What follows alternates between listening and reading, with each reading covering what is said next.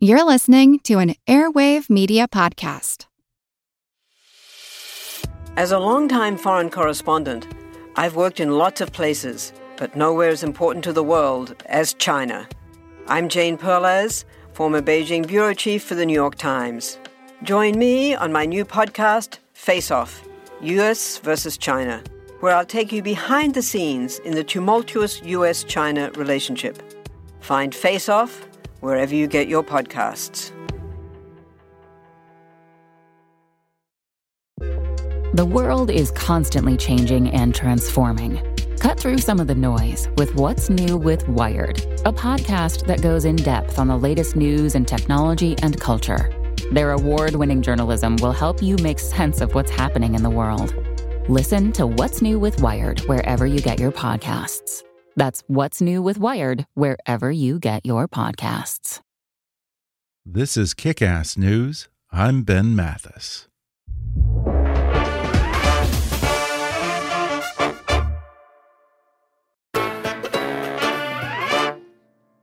The congressman and civil rights leader John Lewis, who at age 25 marched in Selma, Alabama, and was beaten on the Edmund Pettus Bridge, was a visionary and a man of deep faith. A believer in the injunction that one should love one's neighbor as oneself, Lewis was arguably a saint in our time, risking limb and life to bear witness for the powerless in the face of the powerful. In many ways, he brought a still evolving nation closer to realizing its ideals, and his story offers inspiration and illumination for Americans today who are working for social and political change. Indeed, Pulitzer Prize winning historian Jon Meacham calls Lewis, quote, as important to the founding of a modern and multi ethnic 20th and 21st century America as Thomas Jefferson and James Madison and Samuel Adams were to the initial creation of the Republic itself in the 18th century. Jon Meacham got to know John Lewis personally over nearly three decades, and now he writes about his friend who passed away just this July in his new book titled His Truth is Marching On. John Lewis and the Power of Hope. And today, Jon Meacham joins me on the podcast to discuss his first of many encounters with the late Congressman Lewis and his final conversation with him at the height of the Black Lives Matter protests just weeks before Lewis succumbed to pancreatic cancer. He recounts the now famous story of a young John Lewis preaching to his family's chickens, what Meacham describes as an almost biblical arc to his life, and how Lewis's deep Christian faith informed his activism. He recalls the horrible day in Selma, Alabama, known as Bloody Sunday, how Lewis remained steadfast and completely at peace even as state troopers beat him within an inch of his life on the Edmund Pettus Bridge, and how the civil rights leader continued to preach the power of nonviolent protest in the wake of recent attacks on black Americans and right up until the very end. Jon also discusses why he wanted his book about Lewis to hit the shelves before the 2020 election, what inspired him to endorse a presidential candidate for the first time in his life, and what it was like to participate in a Democratic National Convention that was unconventional. Coming up with historian Jon Meacham in just a moment.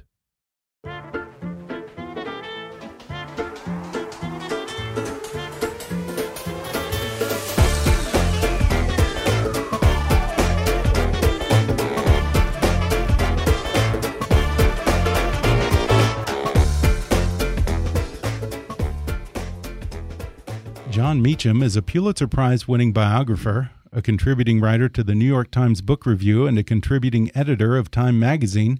Jon Meacham is the author of the New York Times bestsellers The Hope of Glory, Destiny and Power, The American Odyssey of George Herbert Walker Bush, Thomas Jefferson, The Art of Power, American Lion, Andrew Jackson in the White House, American Gospel, and Franklin and Winston. And now he's out with his latest book, a moving tribute to one of America's greatest civil rights leaders. It's titled His Truth is Marching On John Lewis and the Power of Hope. Jon Meacham, welcome back to the podcast. Thanks for having me. Well, it's great to have you back. And before we get to the book, I feel like I'd be remiss if I didn't commend you for the very moving speech that you gave in support of Joe Biden on the final night of the DNC. As a presidential historian, I'm sure that you have a fondness for all of the traditions and showmanship of a good old fashioned political convention, uh, the roar of the crowds, the balloon drop, and so on. But of course, due to the pandemic, most of that was missing from the DNC. What was it like to be a part of this very different kind of convention this year? Well, it was very different, right? It was very. I've never done anything political like that at all, mm and um, they recorded it here in Nashville uh, at, in my little library here, and um, it was an ex- it's an extraordinary time. Uh, the choice has rarely ever been clearer, if ever, uh, about what we face in November.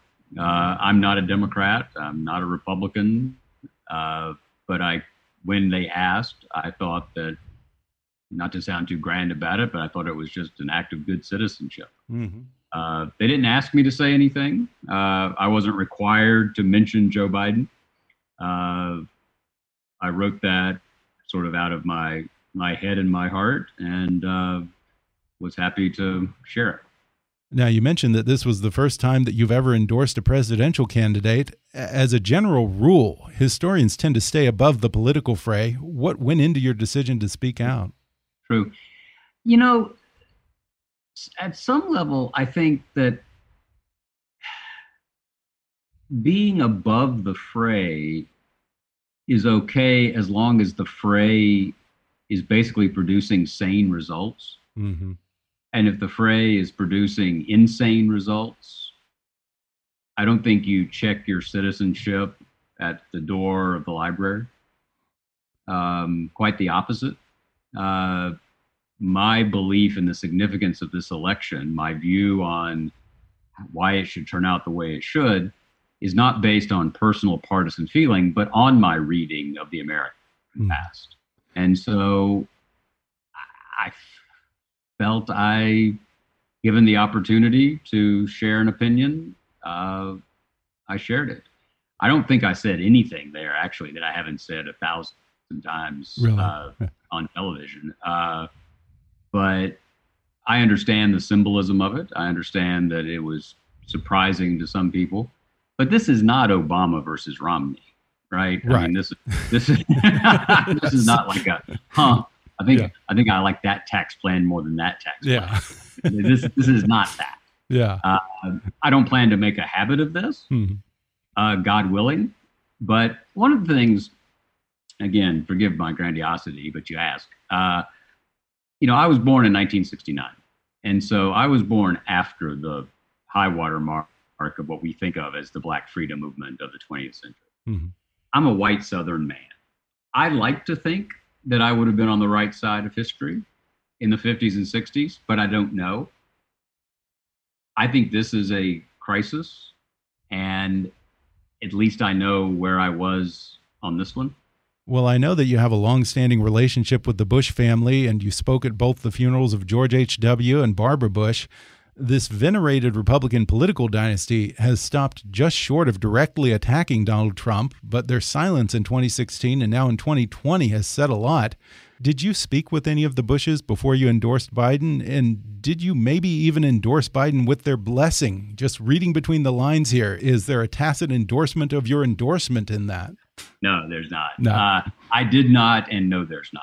Mm. Um, I value my uh, uh, work with the, the Bushes through the years very much. Uh, I admire their service to the country, but I am a free agent. Mm-hmm. You know, even the book I did on President Bush is sometimes said it's authorized and that I was selected by the family. None of that's actually true. Oh, really? Uh, there was no, there were no constraints on that book. Uh, Interesting. President Bush didn't read it till it was published. Um, I don't bother chasing down, the, you know, the Wikipedia reports on this, but uh, no, I wouldn't read uh, that Kennebunkport and Dallas were sending a message through me. I think they have uh, they have other means to do that. Yeah. And speaking of the Bush family, it's worth noting that George W. Bush not only attended but spoke at the recent funeral of the subject of your latest book, John Lewis. Now, when he was president, I can remember Bush 43 having his share of political differences with John Lewis, most notably over the war in Afghanistan. So, what does it say about either or both of these men that George Bush chose to fly out to Atlanta during a pandemic to eulogize an old political adversary? I think it says a lot of good things about both men. I think it says a lot about John Lewis that he asked, and I think it says a lot about George Bush that he said yes. Mm -hmm. And uh, John Lewis uh, boycotted 43's inaugural in 2001. Uh, they came together a little bit. Uh, this is a less known, well known story, but um, Laura Bush and President Bush were very supportive of the uh, National Museum of African American History and Culture. Mm-hmm. And, you know, the great hug picture with Michelle uh, is actually, that was taken at uh, the um, opening of that. And David Kennerly's great picture, he just sent me an uncropped version it's cropped in on Michelle and W embracing. If you step back, the uncropped version, the only other person in the picture besides Laura and President Obama is John Lewis. Um, and so I think what it told us is that they believed in a, a, common enterprise. Mm-hmm. And the enterprise was the American project. And I don't think the incumbent does. Honestly, there's no evidence. Right. I'll tell you, Jon, I actually did not remember that John Lewis had boycotted President Bush's inauguration, but I certainly know that he refused to come to Trump's inauguration. Yeah. And I remember how Trump criticized John Lewis at the time yeah. and said some pretty not so nice things about him. Didn't take much, uh, right? I have to wonder if in Trump's petty mind, he saw skipping John Lewis's funeral as some kind of tit for tat. Here's what I think. Um, the president had the chance, because he's a citizen, mm-hmm. to pay his respects to John Robert Lewis in the Capitol Rotunda. Right. And he did not. And I noticed that the publication date for your book got bumped up from October to September. Did you feel an urgency to get this book out while Americans are still mourning the loss of John Lewis and his memories still fresh in our minds? I felt a, an urgency that begins with the book itself. Mm. Uh, I didn't start this book to actually write it, write it until March. Really? Uh, when I was on the bridge with John and a thousand other people at the last, what, what would be his last commemoration of, of the Selma to Montgomery March. And standing there, I just realized the spirit and substance of John Lewis is the antidote to where we are now. Mm. So I always knew I'd write about him someday, but I thought I had about 10 years, right? He was just 80. Um, I'd kept all my notes. I'd always thought about it. We talked about it, actually. Uh, and then came the cancer diagnosis. And then came that last March.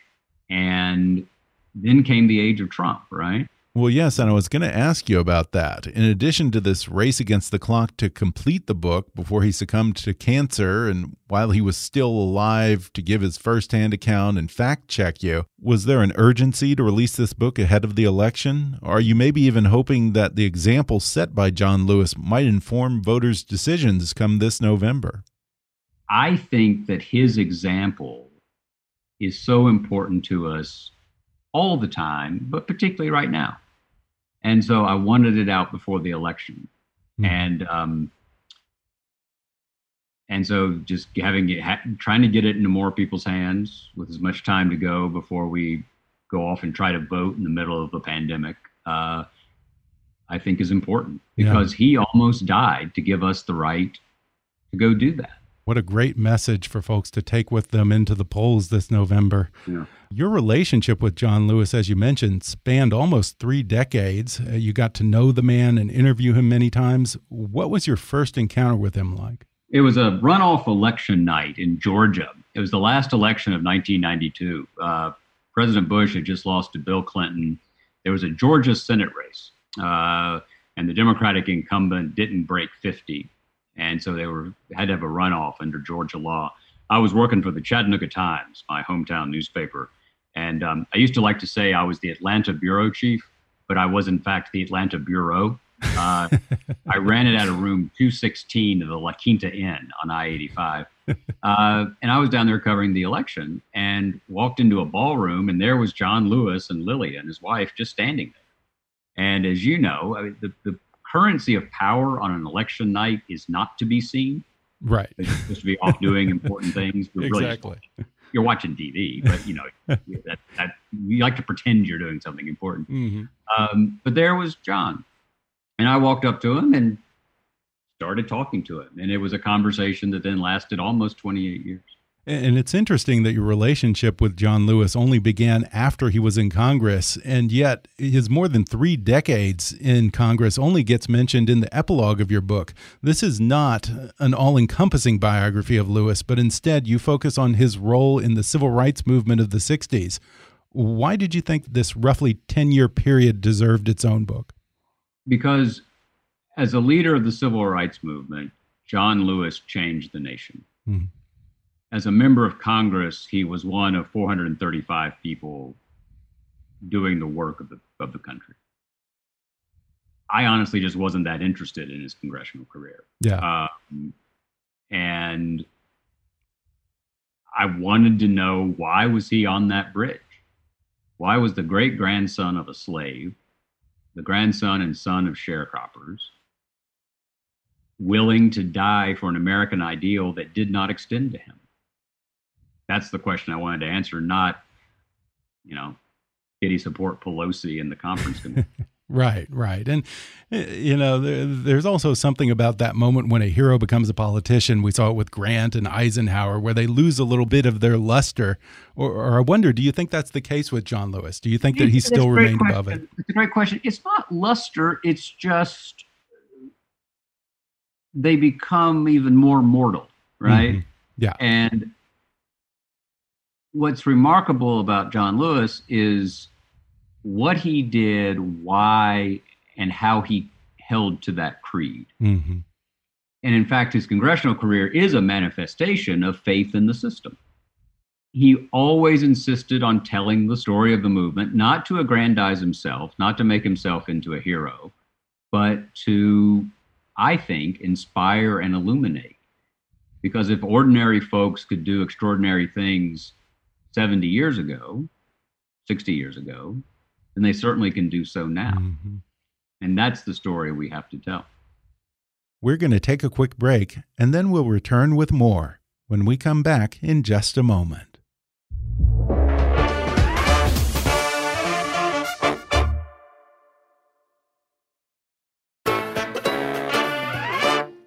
And like many key figures of the civil rights movement, he didn't set out to be an activist at first. He actually wanted to be a pastor from an early age. And there's this famous story that he loved to tell about a young John Lewis preaching to his family's chickens. Do you remember that story? And what do you think that story reveals about him? Yeah, he was a young young guy on the farm, and his job was he had about eight brothers and sisters. His job on the farm in Troy, Alabama, Carter's Quarters, a neighborhood near Troy, a section near Troy, was to take care of the family's chickens. And he wanted to be a minister. So he preached to them, he baptized them, sometimes disastrously. Apparently, that's not a good thing. Uh, he married them, he buried them. Uh, he overcame a stutter by preaching to the chickens. Uh, when his family would take one for dinner, he would not eat. And he said that was his first act of nonviolent protest. Uh, he commented that his colleagues in Congress listened to him about as much as the chickens did. uh, it's a sweet image. And what it tells you, I think, is that from the earliest of ages, he wanted to take care of other creatures. Mm-hmm. And I think that's revealing and profound and unusual. And one of the things that you admired most about him, or perhaps more than anything about him, was his intense faith and this unwavering adherence to the example set by Jesus Christ. Is it fair to say that for John Lewis, Christianity and civil rights were one and the same?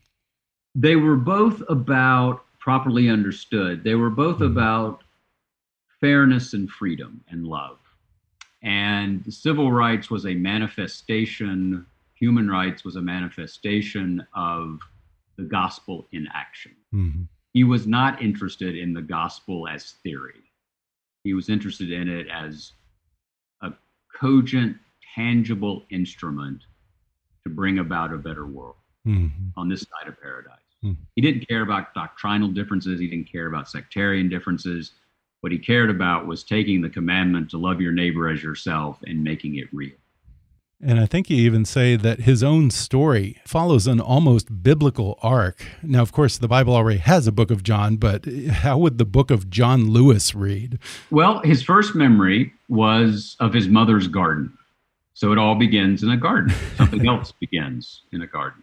Um, he was, his name was changed when he became a larger agent in the world. Uh, he was Robert or Bob to his family. When he got to Nashville to college, when he uh, encountered the nonviolent movement and became part of it, he became John. Uh, his family was not ecstatic about his activism, uh, which is part of the New Testament tradition of you must leave your father and your mother and your siblings and follow me. He took up his cross he was willing to be jailed and to suffer for the faith. When he lost the uh, chairmanship of the Student Nonviolent Coordinating Committee in 1966, a bitter blow, he lost it to Stokely Carmichael. He went into a kind of biblical exile. Hmm. Uh, one other thing is his the college he, came, he went to here in Nashville was on a what they called the Holy Hill. It was on a mountaintop, and it's where he went to receive a commission to go forth. Um, and he always believed in that image in Revelation where a new heaven and a new earth would merge. And I'm going to dork out on you for a second. Theologically speaking, the idea of heaven as a separate realm with harps and all that is not biblical. Uh, what is biblical is that heaven means God's space. And the vision in Revelation and the vision that John believed in was that at some day, at some point, the fallen creation of the world would intersect with God's space and the world would be renewed again and made whole and perfect. Hmm. And that would be the new creation. That's the beloved community. That's what he was fighting for. And indeed, you even call John Lewis a saint. Uh, yeah. Although he doesn't meet two of the critical requirements, I guess. He's not Catholic, and as far as I know, he never performed a miracle. Or, or, is the miracle just the fact that he survived as many beatings as he did in the 60s and somehow lived to tell about it? Maybe that's the miracle there. Well, you don't have to be Roman Catholic to be a saint. I, I say from my Anglican. Oh, is that true? so that's that's one thing. Secondly, did he not perform a miracle? Really? He un, he helped undo American apartheid. He didn't start out as an activist. Like I said, he wanted to be a preacher. So, what was the evolution of John Lewis's involvement in the civil rights movement? It all happened in in Nashville. Really, he mm had uh, he had an intuitive revulsion against the segregated order in Troy as a child. Mm uh, when the Brown decision came down, he was waiting for all his white friends to show up on the school bus, and they didn't. He read about the lynching of Emmett Till. He saw those pictures. They were roughly the same age. That could have been him. Um, he heard Dr. King on the radio preaching about the bus boycott. Uh, Troy was about 50 miles away from Montgomery, so he was aware of that drama. So Autherine Lucy, who was a young black woman who tried to integrate, uh, desegregate the University of Alabama. Uh, he read about that. He had a distant relative who was in Columbus, Georgia, who was an NAACP uh, official who was killed by a white man. So he mm-hmm. understood. You know, it was it was it was there, right? And that was his reality, and the church and the gospel. And then he gets to Nashville and encounters a pastor here named Kelly Miller Smith, who referred him to another minister whom we saw at the funeral at Ebenezer, uh, James Lawson. And Lawson was an apostle of nonviolence. He had taken a Christian background. He was a Methodist minister, is a Methodist minister. Uh, had encountered the tactics of Gandhi on a trip to India and saw that the gospel plus Gandhi was the best path forward mm. to try to take on Jim Crow. And he had come to Nashville after meeting Dr. King. King had said, "You're the kind of thing. You're the kind of person we need in the South." And so he came down to Nashville began to train John Lewis and James Bevel and Bernard Lafayette and Diane Nash and Angeline Butler, some innumerable, incredibly brave young people who then did the sit ins in Nashville. Then John went on and did the Freedom Rides. He started working on voter registration, uh, ends up with Freedom Summer, and then ends up, of course, on the Pettus Bridge. Yeah, and I want to talk about that moment, Bloody Sunday, uh, the first civil rights march from Selma to Montgomery. What was that day like from John Lewis's perspective? It was overcast, um, middle of the afternoon. Uh, they had left uh, Brown Chapel AME Church. Uh, he was marching as himself. Uh, SNCC, his organization, had declined to take part of this. Part of it was a little bit of tension with Dr. King's group, the SCLC. Um, part of it was they didn't feel that the ground had been prepared uh, for this to go all the way to Montgomery. And one of the hallmarks of SNCC is they always planned everything very carefully. Uh, John said he was going to march as himself. Uh, he and Hosea Williams get at the front of the column. He was prepared to be arrested. Um, in his backpack, he uh, put in a couple of books, uh, an orange and an apple, and a toothbrush, uh, so that he'd have that in jail. Uh, was wearing a tan overcoat. They're heading over the Pettus Bridge. They get to the top. It's a very steep bridge, actually, deceptively steep. Um, and they look down and they see the troopers and the posse men on horseback. They see the tear gas guns and they realize that it's not just going to be an arrest situation it's going to be a, a, an attack and they kneel and pray and as they're kneeling and praying the attack happens uh, wow. john's hit his skull is fractured um, tear gas he's throwing up he's not sure how he got back to brown chapel uh, they took him into the uh, parsonage next door. A, uh, a fellow civil rights worker named Worth Long uh, had been a medic in the army and recognized the symptoms of a head trauma. They put John in a uh, tall back chair in the dining room and used it as a stretcher and took him out, got him into an ambulance, went past the troopers who were still on horses even riding up the steps of the church. They got through. Uh, the FBI interviewed him later that day uh, at Good Samaritan Hospital. It's an amazing story. And the remarkable thing is, here was this man getting the living hell beat out of him and almost certain that he was going to die on that bridge. And yet, to quote your book, for Lewis, there was no sense of panic, no gasping, no thrashing, no fear. He was at peace. Mm-hmm. I think that's where I see what you're talking about when you describe him as an American saint. He's downright beatific in that moment. What was going through his head? That this is what he was supposed to be doing. Mm-hmm. That this is why God had made him. Wow. And that God in history had put him in that place at that moment. And if it was God's will that the story end there, so be it. Hmm. And all those years later, when you would sit down with him, did his face and body still bear the physical scars of all that violence? Yeah, he had he had scars on his head, mm -hmm. um, and the very last time I heard him tell the story, he broke down and cried, and I'd never seen that before. This was last fall and I think as he got older, it got more, more emotional somehow. I asked him, this is one of the most revealing moments in the whole book. I asked him what he dreamt about. And he said, I dream about the movement.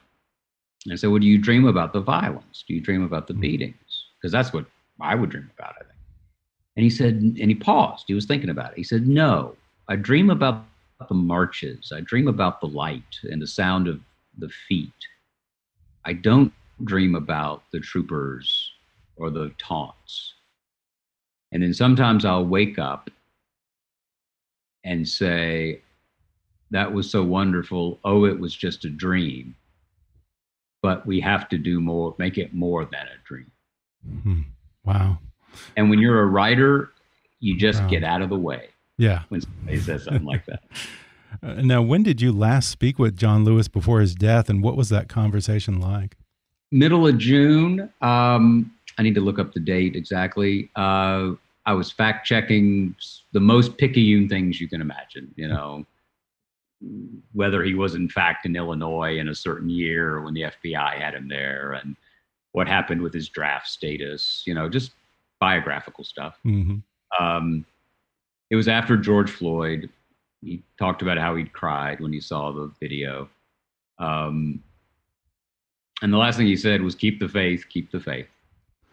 Now, the protests were largely peaceful, but on the fringes, there had been some violence and looting. And I get why people are angry out there. I mean, maybe they think that turning the other cheek as he did and waiting for justice hasn't worked out so well for them. Did he judge those who strayed from the path of nonviolence, or did he empathize with them? How did he react to that? I don't think judge is the right word. Mm -hmm. I think he he certainly understood. Mm -hmm.